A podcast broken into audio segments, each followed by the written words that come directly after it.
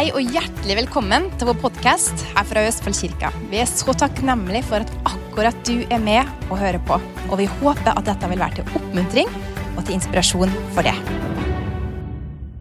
Vi er jo inne i advent. Det har gått et år igjen siden sist. Og jeg tenkte å knytte noen tanker rundt dette med hva egentlig advent er for noe. Og for du som ser på, eller du som hører på, så når det her går på Visjon Norge, så er jo det fra andre søndagen i advent og en uke framover. Men hvis du ser på, på nettet eller hva det er, uansett når på året eller når på tiden, når på døgnet du ser på eller hører på, så er jo det vi snakker om, i og med at det har med Guds ord å gjøre, er jo noe som er evig. Jesus sa jo igjen og igjen når han underviste, så sa han at Guds rike er å ligne med. Det er jo et veldig sånn, litt merkelig ord. Guds ord er å ligne med, men det egentlig betyr Guds ord kan sammenlignes med. Så når Jesus underviste, så talte han om prinsipper. Hva er et prinsipp? Jo, for da, Hvis du tenker den fysiske verden, så har vi jo har vi jo tyngdeloven. Det er en lov. Hva betyr tyngdeloven? Det er at Hvis du holder noe opp i lufta og slipper det, så faller det ned pga. at vi har en tyngdelov som fungerer. Uansett hva du mener om tyngdeloven, uansett hvilken følelse, opplevelse, erfaring du har med tyngdelovens eh, virkelighet. At du kanskje falt ned fra en stor høyde og brakk beinet når du falt ned. Som jeg gjorde da jeg var liten gutt. Skulle hoppe ned fra en bygning, og så var snøen litt hardere enn jeg trodde. Så brakk jeg beinet. Tyngdeloven fungerte. Men det som er viktig når vi da f.eks. underviser Guds ord, så er det ikke liksom på en måte først og fremst våre hva skal si, filosofiske tanker rundt det, våre følelsesmessige opplevelse av akkurat det bibelverset osv. Men det viktigste vi lærer hverandre, som vi kan undervise deg, er de prinsippene som vil fungere til alle tider. Derfor brukte jo Jesus det når han satte seg ned og underviste og de prinsippene og det samme gjelder jo i dag, så kunne han sette seg ned så sa han at Guds rike er å ligne med. Så så han seg om, så tenkte han For Jesus tenkte jo, det er ikke feil å tenke. Så tenkte han hvilket eksempel kan jeg bruke her som de kan relatere til. Og når han satt med fiskere, så sa han at Guds rike er å ligne med. Det var som en fisker som kastet ut garnet sitt. ikke sant? Og Så fikk han fisk, og så begynte Jesus å snakke om at jeg skal gjøre det til menneskefiskere. Når han satt sammen eller pratet til bønder, så sa han at Guds rike er å ligne med. Så tenkte han, ja, hva skal jeg bruke som eksempel? Så begynte han å tale om jordsmonnets kvalitet. Sammenlignet med hjertets kvalitet. Han snakket om steiner i marken, eh, blant torner. Så snakket han om at Guds ord er som et såkorn, osv. osv. Og de prinsippene er noe vi kan leve ved. Fordi at de vil fungere uansett om man bor i Norge, om man bor i Afrika, om man bor i Asia, om man er 90 år, 70 år, 20 år. Uansett hvilken Man snakker veldig mye det er jo blitt sånn, ja, men jeg føler ikke for det, og føleri og følera. Som Bo Gjert sa, som skrev en, en, gammel, en gammel lutheraner. Han skrev denne klassikeren 'Steingrunnen'. Og Det var liksom lutherdommens møte med den karismatiske bevegelse. For mange mange har laget som en roman, men det, ja, for det, du vet at vi har, vår bakgrunn er Den norske kirke. Men poenget er at da var, møtte han veldig mange mennesker som var veldig på en måte drevet av eller motivert eller lot sitt liv være ledet av hele tiden hva de følte for ethvert øyeblikk. Men hvis du og jeg hele tiden setter det som vår rettesnor i livet, hva vi hele tiden føler for, og hva vi tenker, så kan vi mange ganger komme veldig skeivt ut. Så det vi gjør bare som en innledning her, er at vi underviser deg prinsipper som du kan leve ved. Nå er vi inne i advent. Fantastisk. Jeg elsker jula. Og Hva betyr egentlig advent? Jo, Advent betyr egentlig ankomsten av noe som var forventet. Begynnelse. Det betyr et komme, en inntreden, en tilkomst, en tilsynekomst. Det er det vi er inne i nå. Vi er inne i advent. Og klart at Når man knytter det opp imot en kristen eh, historisk forståelse, så selvfølgelig er, så vet du at det man snakker om, er jo også da Jesu komme til jorden for ca. 2000 år siden. Men jeg vil knytte disse tankene opp imot dette uttrykket. Jeg har undervist om det før. Men det er dette med hendelse og prosess. Alle sammen si 'hendelse og prosess'. Jeg syns dette er veldig interessant. og klart at eh, Både Hilde og jeg vi driver jo og studerer. Og vi elsker å studere. Jeg syns det er et privilegium. Folk tror vi er gærne. og Vi går for liksom masterutdannelse, det vi satser på. Og vi nærmer oss 60 år. Men eh, det er egentlig generelt sett at vi elsker livet. Vi syns aldri livet har vært bedre enn nå. Men eh, svigermor som sitter der, og Hilde fortalte meg at du hadde sagt, og det gir jo meg også, at beste året er 60-åra, sa du. Så det høres veldig bra. Og jeg har jo allerede nevnt da, en dame som jeg kjørte på skjermen her. Hun var da 94 nå. Og sa at de siste 20 åra er de beste av mitt liv så langt. sa Tenkte jeg, wow, wow, wow. Om 14 år, om 14 eller 15 blir det, når jeg er 74-75, da, da begynner bli moro, da. Det Helge, det her blir veldig bra. Skjønner du? Ja. Men når vi snakker om hendelse og prosess og klart at Jeg studerer jo som sagt da vernepleien. Jeg går siste året på, på, på vernepleien. Og essensen egentlig av, av eh, vernepleierstudiet er egentlig atferdsanalyse. Vernepleierne, altså du har Psykologien snakker veldig om det indre mennesket og hva som skjer inni mennesket. Den har veldig sånn svart-hvitt. jeg bare sier veldig enkelt. Sosiolog, sosiologene snakker veldig mye om det er individet som former samfunnet, eller samfunnet som former individet. Og begge tingene er jo egentlig riktig. Men i, som vernepleierstudent så er essensen av det vi lærer, er atferdsanalyse. Vi snakker om fakkanalyse. Det står for foranledning, atferd og konsekvens. Hva betyr det? Jo, det vi, det vi, lærer, og det som vi gransker rent vitenskapelig, og det skal være faktabasert, og det skal ikke bare være synsing, men det man bruker og lærer seg eh, verktøy av undersøkelser osv. for på en måte å da som man snakker om fakkanalyse, hvorfor gjør folk det de gjør? Hva er foranledningen til en atferd, og hva er konsekvensene av en atferd? Og Det er jo egentlig essensen av vårt liv. Og det er, er, eh, Enten er det en hendelse, eller det er en prosess. Mange kanskje har fantastiske hendelser i sitt liv. Noen av highlightene er jo selvfølgelig når man ble frelst. Hva? Og jeg husker på en, når Vi bodde i Drøbak, var en gammel gammel mann han var hjemme hos Herren nå. Men han hadde hatt en fantastisk Man snakker om åndsdåp nede i Saronsdal på 50-, 60- eller tallet 70-tallet, når Arild Edvardsen fortsatt levde. Og når det var menighetsmøte i kirken, da var jeg 18 år og jobba i Drøbak kirke, så kom han og han ville vitne om det her og han fikk tårer i øynene, og med en innlevelse så fortalte han om den fantastiske hendelsen som skjedde når han ble døpt i Den hellige ånd. Og, og, og, og, han snakket om hvordan han svømte i ånden der nede. Og, hadde en sånn opplevelse. Og klart at På et menighetsmøte i Den norske kirke med lutheranere som knapt nok visste hva Den hellige ånd var for noe, så var det litt vanskelig å svelge dette når han begynte å snakke om å svømme i ånden. Én ting er å bli fylt av ånden, men når man begynner å svømme i ånden ja, da til og med jeg henger ikke helt med da. Men mitt poeng var at jeg, når jeg pratet med ham, var en enkel sjel og, og, veldig fin, så sa jeg husker ikke hva han het, så sa jeg, men det var Håkon het han. Gud velsigne Håkon. Du er for lenge siden. Ellers er han 130 år. Men, men, men, men så sa jeg Håkon, det er kjempebra å høre om den hendelsen som skjedde. Eh, men hva har skjedd siden da? Ja, til og med biskop Åleskjær snakker jo om hva som skjedde bak Frikirka i Halden. og Minus 27 grader osv. i den og den datoen og klokkeslett. Det er greit nok. Men Åge snakker jo også om veldig mye som av hva som har skjedd siden den gangen. Men det gjorde ikke Håkon.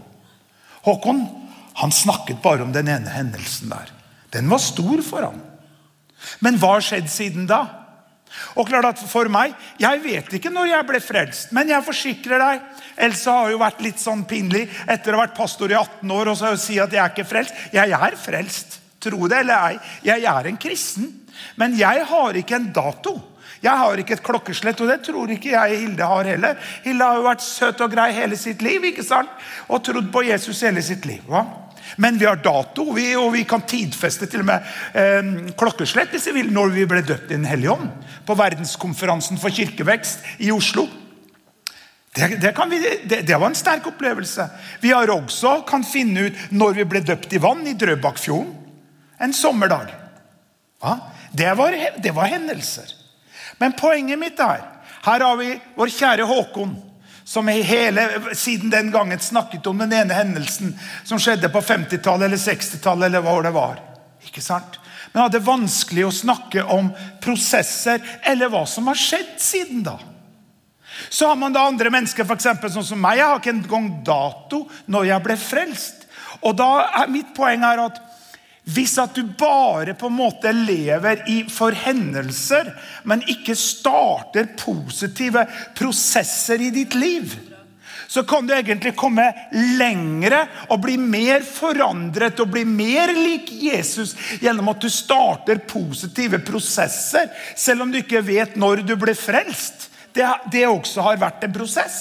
Det var det til meg. Det var sikkert en dag, og i himmelen ble det sikkert registrert at bang, der ble Erik frelst. Om jeg opplevde at jeg ble frelst eller ikke.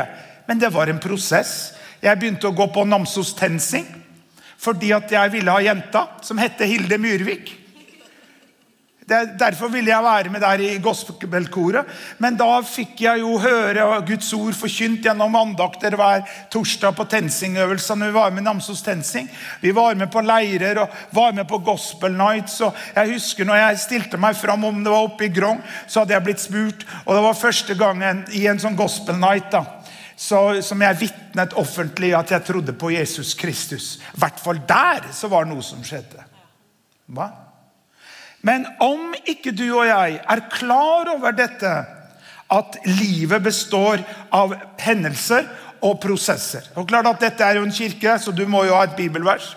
Og I første Mosebok 8,22 så står det Så lenge jorden består, skal såtid og høsttid, kulde og varme, vinter og sommer og dag og natt aldri opphøre. På en engelsk oversettelse så står det As long as the earth remain, there will be seed, time and harvest. Altså Så lenge jorden vil bestå, så vil det være en tid for å så, og til en tid av å høste. Og klart at Her har vi jo mye jordbruk rundt oss, med, ute i Råde og, og masse store jorder. Og enhver bonde forstår dette, at det vil bestandig være en tid imellom prosessen av å så og prosessen av å høste. Det betyr at det er en hendelse at noe blir sådd.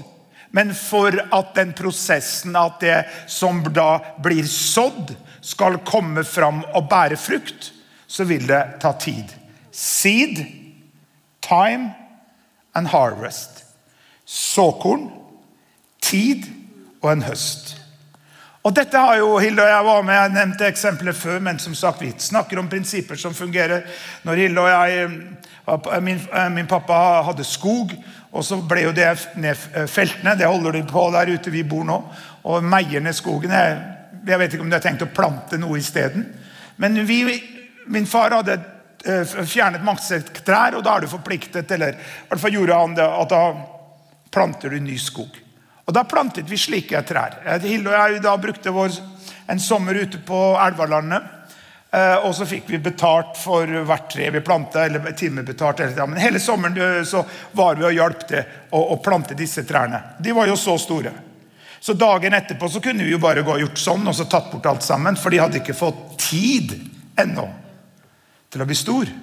Men i dag, 40 år senere, så er det jo voldsomme trær. For, og vi har ikke sjans til å bare gjøre sånn. Ja. Du måtte jo bruke motorsag for å få dem ned. Men slik egentlig er også livet vårt. Og Hvis du går for eksempel, begynner å granske skriftene litt med på en måte det som bakteppe med mot dette med, å, med såkorn og tid og høst, så ser du igjen og igjen og igjen hvordan Jesus brukte disse eksemplene om det med såkornet vi sådde i hjertet, Og så kommer straks Satan for å stjele såkornet. Fuglene kommer og spiser det opp. Eh, tornene kveler såkornet osv. For såkornet i seg selv, med det samme det er sådd, er eh, kjørt, skjørt. At det, det, er, det, kan lett drepes eller bli ødelagt. Okay. I Galaterne 6-7 så står det For det et menneske sår, det skal han også høste. Men la meg skyte inn, men takk og lov for Jesu blod som tilgir oss vår synd. For vi har sagt mye dumt, har vi ikke det? I hvert fall har jeg det. Og vi har gjort dumme ting. Vi har sådd dårlig såkorn gjennom ting vi har sagt, ting vi har tenkt, og tenkt vi, ting vi har gjort. Men da sier jo Skriften fantastisk at eh, om vi da bekjenner våre synder, så er han trofast og rettferdig og renser oss fra all synd og all urettferdighet. Og Det er egentlig Gud gjør gjennom Jesu Kristi blod, som er fortsatt levende og varmt, og renser fra all synd og all urettferdighet sånn som vi har tatt nattverden i dag, det er at Jesu blod blir dratt like bak oss. Gud kansellerer de, de dårlige såkornets effekt på vårt liv. Hva betyr det? Det betyr at du trenger ikke å bli en frukt av dårlige valg før du ble frelst. Hva? Så derfor, for, derfor for eksempel som av, av, av eh, folk som har vært rusmisbrukere osv bør selvfølgelig få en ny sjanse. Nå fant jeg ute på I studiet så var det en, en som ikke for Første året gikk vi jo sammen på skolen. Andre året var det bare Zoom. Alt var Zoom. Ikke, hele andre året på skolen gikk ikke en dag på skolen. Alt var på Zoom.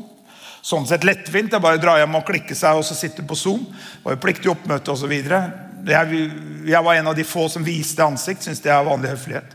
Men så møtte jeg nå er vi tilbake på skolen da, tredje året, så møtte jeg en kamerat så, nei, jeg har ikke sett på lenge. Nei, han, han, fortalte at eh, han gikk et annet studie nå. Som ikke var profesjonsretta. Det var et annet studie. Så sier jeg, men hva skjedde? Nei, han fikk ikke lov til å gå ut i praksis igjen. Hva mener du det? Nei, når jeg skulle ut i praksis igjen, det skjedde første året, da, så, at, eh, så fant jeg ut at jeg hadde kødda med rus for mange mange år siden. Og da er det øremerka. Og da kan, fikk, fikk, du ikke lov til å bli eh, helse, eller vernepleier. da. Det er jo kjempestrengt. ikke sant? Da er det kjørt. Så Hvis du som 16, hvis de er bokført at du har noe på rekorden, hvis du har noe på vandelsattesten din, altså hvis det har blitt en dom da, i form av eh, kriminell handling, så du ikke, får du ikke ta den utdannelsen. De skulle jo selvfølgelig jeg mener, funnet ut det før de begynte på studiet. da. Men det er jo så. Men, men takk og lov, slik er ikke Gud. da. Gud han sier det, vi gir deg en ny sjanse. Men du, du, dette er jo veldig alvorlig da, når vi tar sånne utdannelser. Det er jo skikkelighetsbegrepet å te seg ordentlig. Så Derfor har man jo lyst til å si til ungdommen som er 16-17-18 år eh, Hvis at du kødder og blir, på en måte får en dom osv., det vil følge resten av ditt liv. På, på din CV. Og få konsekvenser for det.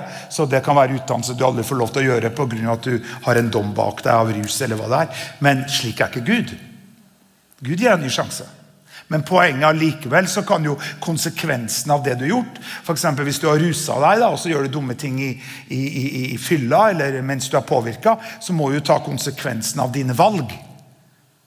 Henger du med? Og Folk havner i fengsel, og kjører du for fort, så kan ikke du bare si 'Jesu blod tilgi meg'. liksom. Det, det, liksom da, da, det, gjør du ikke. Du, det kan bli dyrt. Så hold fartsgrensa. Men det et menneske sår, det skal han også høste. Det var innledninga. Nå går vi til adventsteksten. Jeg må nesten se, Det var veldig smått, da, men jeg klarer det. I Lukas 1, 30 vers 38. Henger du med? Da sa engelen til henne, frykt ikke, Maria, for du har funnet nåde hos Gud. Og se, du skal bli med barn og føde en sønn, og du skal gi ham navnet Jesus. Han skal være stor, og han skal kalles den høyeste sønn. Og Herren Gud skal gi ham hans fars Davids trone. Og han skal herske over Jakobs hus for evig, og hans rike skal ikke ha noen avslutning. Da sa Maria til engelen, 'Hvordan kan dette gå til, da jeg ikke har levd med noen mann?' Engelen svarte og sa til henne, 'Den hellige ånd skal komme over deg, og kraften fra den høyeste skal overskygge deg.' Derfor skal også det, eh, det hellige som blir født av deg, kalles Guds sønn. Og se, din slektning Elisabeth har også unnfanget en sønn i sin høye alder. Og hun som ble kalt ufruktbar, er nå i den sjette måned. Og for ingenting er umulig for Gud. Da sa Maria, 'Jeg er Herrens, Herrens tjenestekvinne. La det skje meg etter ditt ord.' Og engelen forlot henne. Det jeg ønsker å løfte opp her på dette, dette, er det som er Marias respons på det som da engelen sier til henne. Og, englen, og hun sier, 'La det skje med meg etter ditt ord'.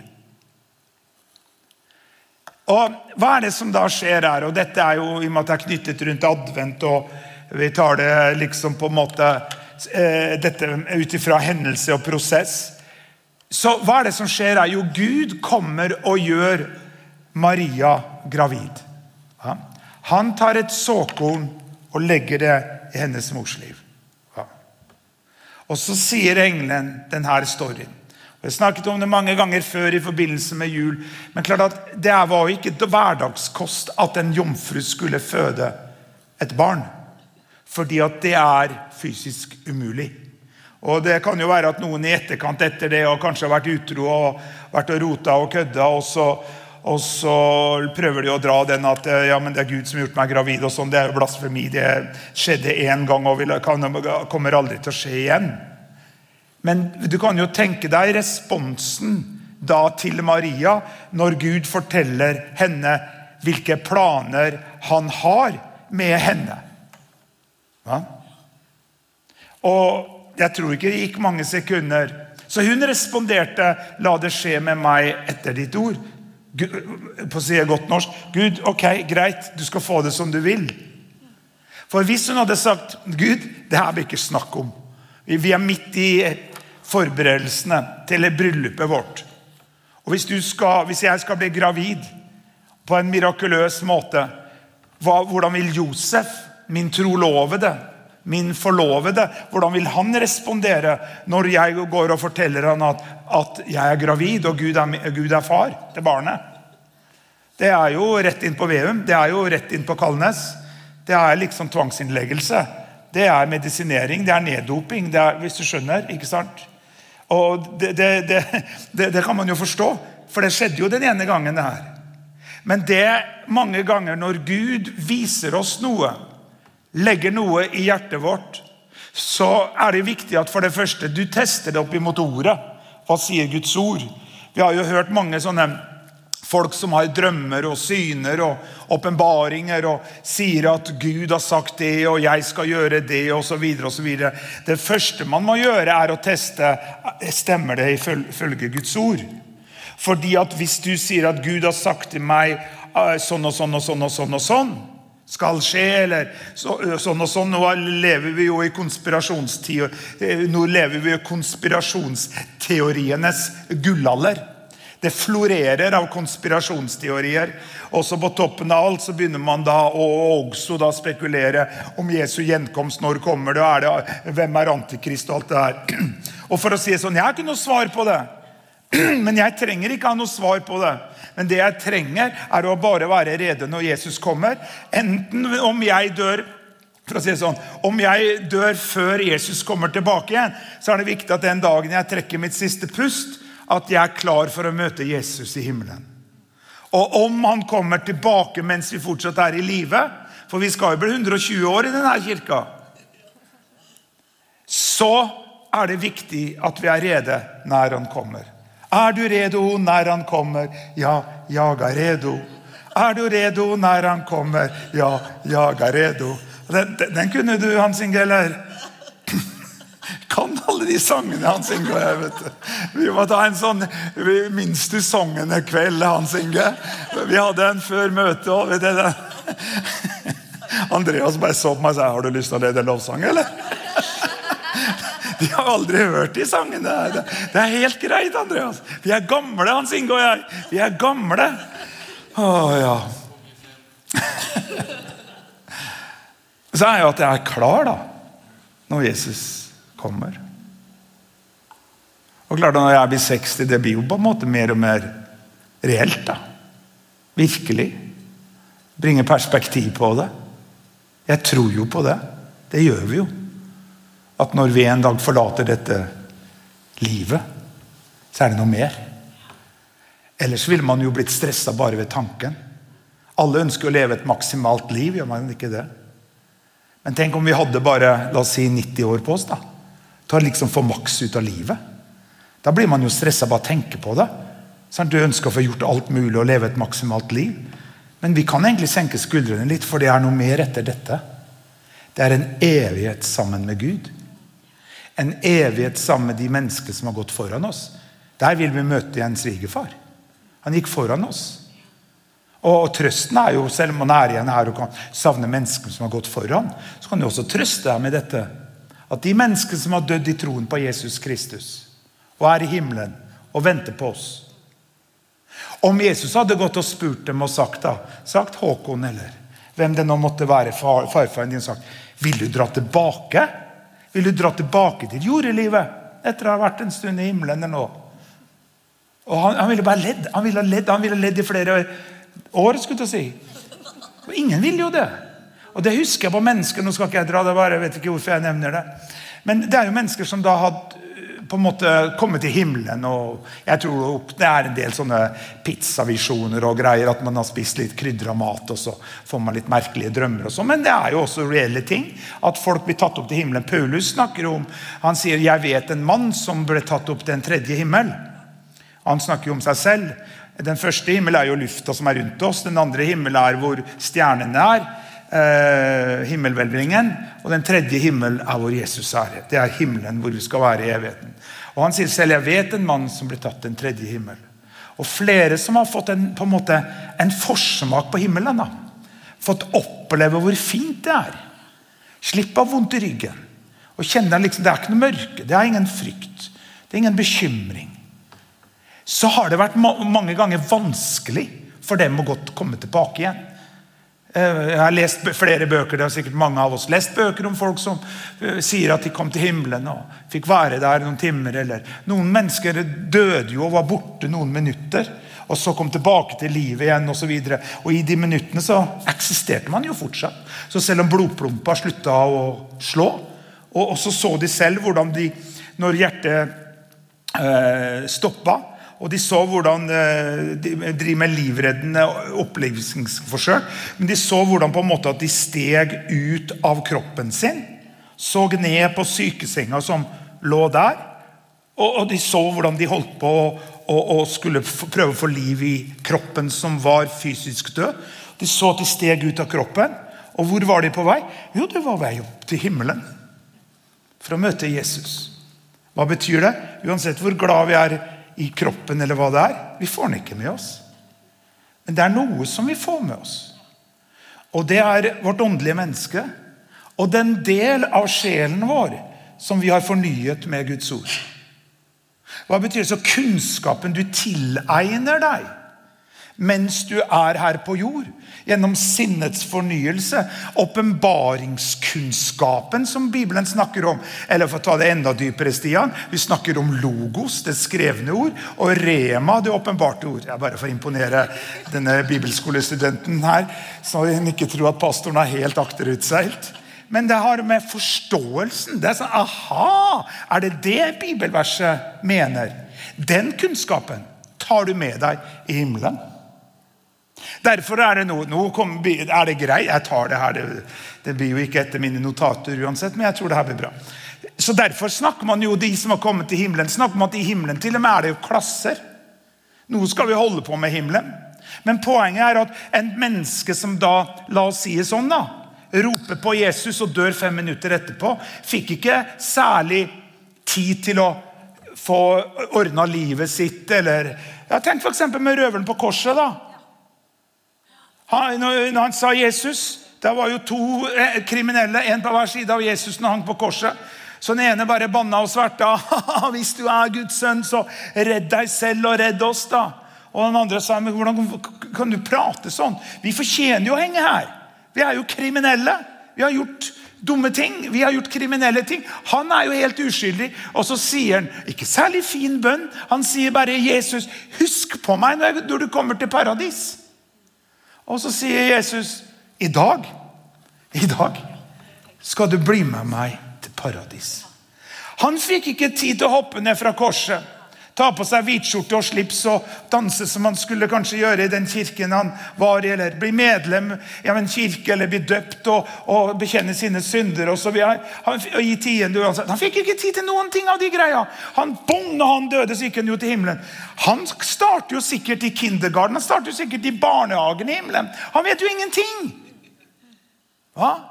Men jeg vil si det sånn at etter at jeg har vært pastor da, neste år så har jeg vært pastor i var 18 år så syns jeg er litt flaut hvis når jeg kommer til himmelen, blir jeg plassert i kindergarten, i barnehagen.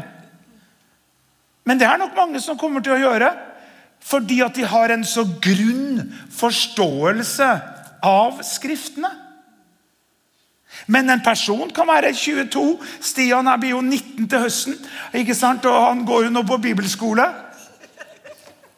Og den kunnskapen han får der, den tar du med deg.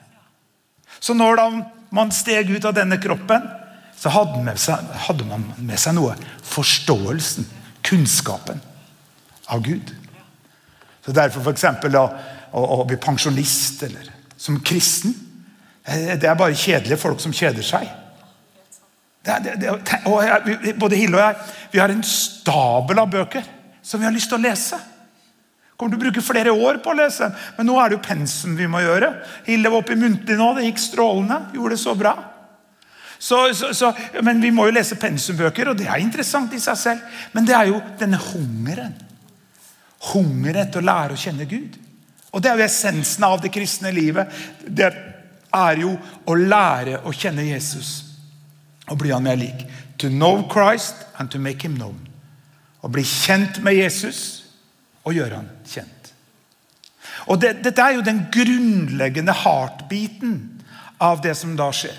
Men nå må jeg inn i det her eh, julebudskapet. da. For hva er det som skjer her, da? Jo, da sier jo Maria 'la det skje med meg etter ditt ord'. Og så vet du hva som skjedde. Og Gud måtte jo til og med da til Josef. Så måtte jo en engel komme til Josef og gi ham en åpenbaring. Og, det, og, og sier på godt norsk, og så sier Josef det har ikke klikka for Maria. Hun har ikke tatt noe sånn greier, sånne weed eller spist noe et eller annet. Det her er, det er Gud. Det måtte en engel, englebesøk til. Jeg trengte ikke et englebesøk for å finne ut at jeg skulle gifte meg med Hilde. Det fant jeg ut ene og alene av meg selv. Jeg gikk hjem den kvelden og da sa jeg, 'Kjære Gud, jenta vil jeg ha'. Og så ba jeg Fader vår. Da var jeg 13 år. Gud svarer bønn. Så vi ble kjærester da vi var 14. Det er bra. Anyway. Nå holdt jeg på å spore av. Jo, så det som da det som da Maria gjør da, I det øyeblikk når engelen var der Hør her. Når engelen kommer og forteller Guds planer av å gjøre en jomfru gravid, ja, så er hun ikke gravid ennå. Henger du med? Når skjedde miraklet? Jeg tror miraklet skjedde når hun sa 'La det skje meg etter ditt ord'. Amen. Fordi at hvis at hun hadde sagt 'no way', 'no way, José', det kommer aldri til å skje. Men klart, Gud vet jo vi, hvordan vi kommer til å reagere før vi reagerer. Gud er jo alfa og omega. Så, ah, skjønner du? Men likevel så vil Gud aldri kjøre over din frie vilje. Men Gud vet jo hva vi velger. Så Gud visste jo at Maria kom til å si ja. Men poenget er for å vise perspektivet på den frie vilje og Guds vilje, er at hvis Maria hadde sagt det er ikke snakk om, så ville da Gud sett etter en annen kvinne som var jomfru. Henger du med? Så når hun da sier 'la det skje med meg etter ditt ord', tjops, så tror jeg at hun ble gravid. Og Dette er viktig at du og jeg forstår. At når du og jeg ser noe i Skriften At ved Jesu Kristi sår så er jeg lekt. Gud ga oss ikke en fryktens ånd, en bekymringens ånd. Kast all din bekymring på Herren, for han har omsorg for deg. I fred skal jeg legge meg ned og sove, for du, Herre, bare du lar meg sove og hvile trygt. Uansett hva du finner av løfter i Bibelen ut ifra dine behov. Det er veldig lett, Du kan google det, du kan bruke bibelordbok på nettet. eller et eller annet. Uansett hva som er ditt største behov. Hva er ditt største behov akkurat nå? Økonomi, helse, bekymring, arbeidsløshet, sosiale problemer, ekteskapsproblemer, problemer med barna. Google. Det fins bibelverser. Og når du finner det bibelverset og hva du sier, så leser du det, grunner på det, smatter på det. Mm. Du sier det, leser det, og så sier du bare 'La det skje meg' etter ditt ord. I det øyeblikk så er et såkorn sådd i ditt hjerte som har potensialet på å fjerne all form av bekymring. Du skal sove godt om natta, frelse dine barn, barnebarn, gjenopprette ditt ekteskap. Ta vekk all form av sykdom og smerte og plage i kroppen din. Det såkornet, ifra det øyeblikket du leste det, bekjente det, tenkte på det. Men når du da i ditt hjerte Det er ikke det at du må si akkurat disse ordene. Men om du så sier Gud, ja, dette tror jeg på, jeg tar imot det i tro i Jesu Kristi navn. Hva betyr det å ta imot i tro? Ta imot i tro betyr I'm not moved by what I see, I'm not moved by what I feel, I'm only moved by the word of God. Hva betyr det? I tro er en viljesbeslutning basert på hva Guds ord sier. At jeg tar imot det i dette øyeblikket av. Fra denne stund av, dette klokkeslett. Du kan godt skrive sånn som vi brukte å gjøre når vi hadde papirbibler. Det fins faktisk papirbibler. Oh, Eh, jeg, det, det, har jeg mange av hjemme. Så skrev vi margen ved et løfte og skrev datoen vi dad, stad, gjorde. Vet du hva vi gjorde i Afrika? Vi hadde masse gjeld, vi hadde økonomiske utfordringer. Jeg laget en kontrakt hvor jeg skrev jeg og Hilde har blitt enige med Gud. eller et eller annet, Så skrev jeg inn bibelverser som lovte oss det vi trengte. og Det var økonomi eller hva det var for noe. Og Så tok jeg, printa ut og så signerte Hilde og jeg. Fra denne dag av så er våre problemer løst. Inngått en kontrakt med Gud basert på Hans ord. Og det skjedde. Igjen og igjen. Vi var så lenge i Afrika som vi kom tilbake, så måtte noen forklare meg hva Nav var. Da har du vært lenge i utlandet. Hva er Nav for noe? For når jeg dro til Afrika, så het det for arbeidsformidlingen. Det er lenge siden, Helge. Sosialen kalte vi det. Ja. Henger du med? Men det såkornet er, kan være skjør til å begynne med. For det som da skjer, er at når Maria forsto at hun var gravid, så tar det jo men for folk som er gravid, Vi har jo folk som er gravid i, i menigheten. Hvis ikke du går og sjekker deg, hvor lang tid tar det? Ja, sånn, menstruasjonssyklusen uteblir og sånne ting. Men det vil jo ta en del uker før du vet at 'Å, jeg er visst gravid'.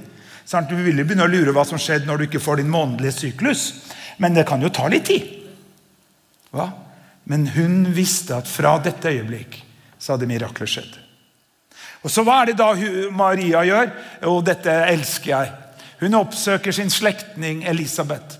Fordi englene hadde sagt dette. Det leste vi i teksten, gjorde vi ikke det? Vi leste i teksten om at eh, eh, din eh, Skal vi se Ja, er ikke det det står om Elisabeth? Nå ble det litt kort her. Ja, og se Din slektning Elisabeth har også unnfanget en sønn i sin høye alder. Og hun som ble kalt ufruktbar, er nå i den sjette måned. Så oppsøker hun jo Elisabeth. Og klart at Der var det jo et mirakel på en annen måte. Elisabeth var jo ikke en jomfru, men, en, men hun hadde en ektemann som ikke var i stand til å gjøre det ektemenn skal gjøre, uansett hvilken alder du er. Så, så han, De var jo egentlig for gamle til å få barn, både han og henne. Men Gud kom med sin ånd, så hun ble gravid. Men her var jo da far til eh, barnet var jo hennes eh, eh, fysiske ektemann. Men dette bildet forteller mer enn tusen ord. Hva er det de gjør? De kjenner på hverandres mirakler. De, de, kjenner på hverandres mirakler. Jeg husker på når vi bodde i Afrika. Her er, her er, det jo litt sånn at en gravid mage er public domain. Alle går og klapper på denne magen. Liksom her i Norge. Å, liksom, se her! Å, og så Vi fortsatte med det i Afrika, og folk ble jo så brydde. Vi gikk og klappa på gravide mager. Så uansett om de var sånn du, Ingen snakker om disse gravide magene. Men her er jo, alle går jo og klapper på din gravide mage. 'Å, hallo! Hei, du som er der inne!' og greier. Ikke sant? Men her er det at de kjenner på miraklet. Og dette kan man si mye om. Men dette har med dette den kulturen som vi ønsker å skape midt i disse gale koronatider, hvor man ikke vet om det blir julebord eller jul, eller liksom på en måte som uh, Det var noen som hadde skrevet du trenger ikke å vaske så mye til jul. Det er ikke Mattilsynet som kommer, det er Jesus Kristus, liksom. Du må ikke drive og sprite ned så mye. Det er ikke Mattilsynet som kommer, det er Jesus, liksom. Og, og, så det har jo blitt en et kultur, og Folk våger nesten ikke å glede seg til jul. De våger nesten ikke å glede seg om de kan dra på sydentur. og Sånn som Rita og Einar som dro ned. De, de, de måtte jo ro ned, for de kunne jo ikke fly. De, de, de rodde til Kanariøyene. Det, det, er litt av en, en, en tur, altså. Ja, nei, de fløy ned, da. Men det er jo bare det å komme seg til Kanariøyene, ikke sant? Anyway. Men de kjente på miraklet. De kjenner på miraklet. Hva bærer du på? Oi, ja, der, oi, der sparket det. Ja? Og Det er slik vi ønsker at Kirken skal være. Vi skal på en måte klappe på miraklet du bærer på. Vi skal klappe på Hvordan går det? Du skal føde snart. For hva er det vi snakker om? Vi snakker om hendelse og prosess. En hendelse hadde skjedd med begge disse damene. De var begge gravide. Og du er ikke gravid for evig. Alle er ikke elefanter. For elefanter, da er du gravid Nei, 18 måneder eller noe sånt. Ja, men det er lenge, Men ingen er gravid for evig. Så poenget er bare det at du trenger bare passe på miraklet. Du trenger bare passe på å spise sunt. Sant? Det Derfor er jo dumskap å drikke alkohol hvis du er gravid. Sant? Ethvert oppegående menneske drikker ikke alkohol når du er gravid. ikke sant? Du tar vare på miraklet. Du kultiverer det. Du er i et sted hvor at det å føde, det å være gravid, det er noe positivt. Det er noe, det er noe oi, hvilken, hvilken, Så dette bildet forteller jo alt det der. Og Da er jo spørsmålet hva bærer du på? Vi alle er gravide. Og så kommer det vi, nå, vi, vi, vi har de senere årene vi, kunne skrevet, så Derfor har vi jo tenkt å skrive bok, Hille og jeg, etter hvert. Men, men, vi har flere slike mirakler. Ting vi har stått i tro for. Som ble materialisert noe dette året. Ting som vi har drømt om i 10-20 år. Kanskje en dag kunne gjøre det og kunne gjøre det osv. Og, og, og det er ting som vi har båret på. Men det er fortsatt ting som vi bærer på, som ikke er der ute ennå. Og da vi lar vi ikke verdens måte å tenke på at når du blir 60, så da, da, liksom å, da, må du begynne å lande osv. For de 60-åringene er jo de nye 40-åringene, og 70-åringene er jo de nye 50-åringene. Og 90-åringene er jo de nye 70-åringene. Det er jo blitt sånn. Men hva er det du bærer på? Hva er miraklet? Kommer lovsangerne komme? Hva er miraklet du bærer på? Hva, hva, hva er det du, du kjenner at du bærer på her? Fordi at det du skal gjøre, er å da forbli en environment, i en kultur. Og det er jo det vi ønsker at en kirke skal være. At den skal bli noe som er med og gjør at det du bærer på, skal vokse, spire. Og til rette tid så vil det komme fram. Og vi vet jo det, hva som skjedde. ikke sant? Det er jo julens budskap at Jesus ble født. ikke sant? Og Dette er jo fra denne filmen eh, eh 'Jesus fra Nasaret', tror jeg den heter. den filmen her. Nei, 'Veien til Betlehem'? Ja. Fantastiske bilder. Jesus ble jo født. Og her er det jo, på en måte ser du jo fra dette med en hendelse. Jesus ble født. Og prosessen om at Jesus vokste opp. Og av egen fri vilje så valgte han å gi sitt liv oss, eh, for oss. Om vi snakker om dette med hendelseprosess, I Lukas 2,11 så står det For i dag er det født dere en frelser i Davids by. Han er Kristus, Herren. Men hvis du også fortsetter å lese Lukas kapittel 2, så står det vers 52 og Jesus vokste i visdom og alder og i velvilje hos både Gud og mennesker. Jeg har ikke tid til å gå inn på dette, men det står at de var slått av undring over Jesu kunnskap når han satt og diskuterte teologi sammen med de skriftlærde i synagogen. Og Da var han tolv år gammel. Det var ikke gjort av seg selv, men Jesus hadde studert Skriften. Han hadde studert Toranen, som det heter på den tiden. Så fra Jesus var tolv, så hører ikke vi noe mer om Jesus før han fram, står fram og sier Den hellige ånd er over meg. For han har salvet meg. Da var han 30 år, så ble han døpt av Johannes døperen. Men her er det 18 år. 18 år, folkens, hvor vi ikke leser noe om Jesus. Men han må ha gjort noe rett. For før han gjorde sitt første mirakel, når han steg fram der bedøpt av Johannes døperen i vann, så hørte de en røst fra himmelen som sa, 'Dette er min sønn, den elskede. I ham har jeg velbehag.' Da hadde Jesus ennå ikke imponert verden med å gjøre vann til vin, reise opp mennesker fra de døde, helbrede syke. Han hadde ikke gjort et eneste mirakel ennå. Men Gud hadde sett hvordan han levde behind the doors. Han hadde sett hvordan Jesus levde bak kulissene. Og sett at den måten Jesus levde på, uansett om han fikk menneskers applaus eller han, de prøvde å kaste steiner på ham, så levde han. Om jeg lever eller dør, så hører jeg Herren til. Det er det vi lever for. Vi lever for hva Jesus synes om våre liv. Vi lever at en dag skal vi stå ansikt til ansikt med ham. Men du ser den med hendelse og prosess. Det er samarbeidet mellom Gud og mennesker. Gud ville gi såkornet inn i jomfru Maria. Hun sa 'la det skje meg etter ditt ord'. Hun ble gravid, fødte en sønn. Og denne sønnen vokste opp. Hendelse og prosess. Vokste opp og ga sitt liv for meg og deg. Stå opp igjen fra de døde og skal derfra komme igjen for å dømme levende og døde. Dette er jo et søtt bilde fra stallen.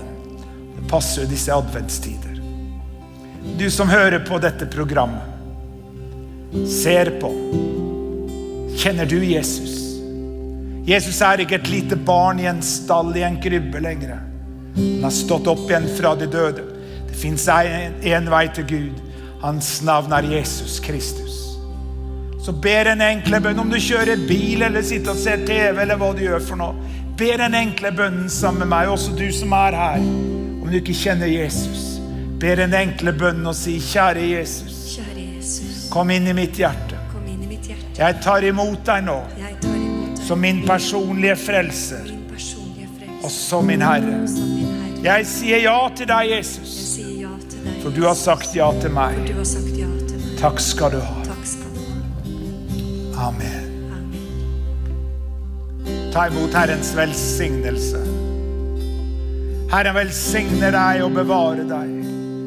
Herren la sitt ansikt lyse over deg og være deg nådig. Herren løfte sitt åsyn på deg og gi deg fred. Og gå i fred og tjen Herren med glede. I Faderens, i Sønnens og Den hellige ånds navn. Amen. Tusen takk for at du tuna inn og at du var sammen med oss på dette programmet. Vi håper det var til hjelp og til oppmuntring i din hverdag. Dersom du å ta kontakt med oss, kan du gjøre det via nettsida vår, østfoldkirken.no, og vi setter veldig pris på å få tilbakemeldinger dersom det programmet her har vært oppmuntring for det, eller til hjelp for det, så setter vi stor pris på å høre det. Ha en velsigna uke.